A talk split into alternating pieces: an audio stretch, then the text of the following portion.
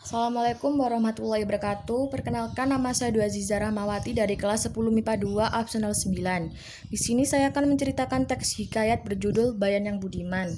Alkisah di Kerajaan Azam, hiduplah seorang saudagar yang kaya raya dan telah berkeluarga yang bernama Kojan Mubarok. Keluarga itu belum lengkap karena belum mempunyai seorang anak. Walaupun begitu, saudagar ibu tak putus asa dan juga tak lelah memanjatkan doa agar ia segera mempunyai anak.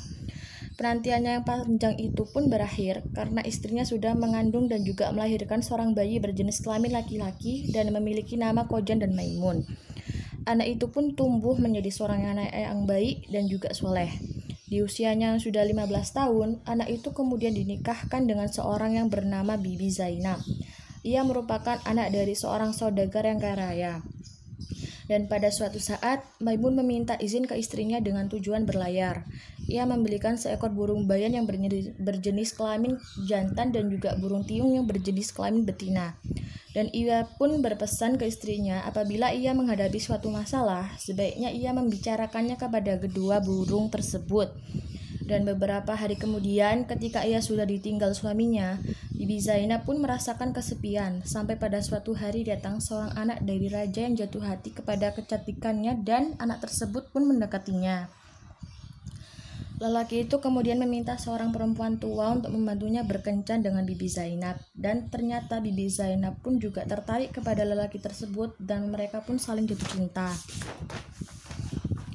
Di suatu malam, Bibi Zainab pun pergi dengan anak tersebut dan ia berpamitan kepada Tiung. Burung itu kemudian menasihatinya agar ia tak pergi dikarenakan hal itu melanggar aturan dan ia juga sudah mempunyai seorang suami.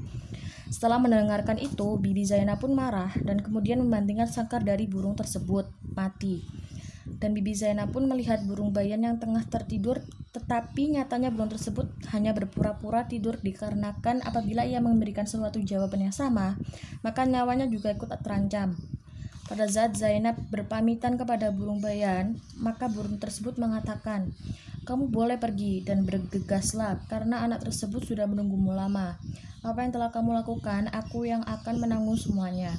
Apa yang dicari manusia yang ada di dunia ini, selain dari kesabaran, martabat, dan juga kekayaan, Aku hanya seekor burung bayan sudah dicabut bulunya oleh istri istri pemilikku.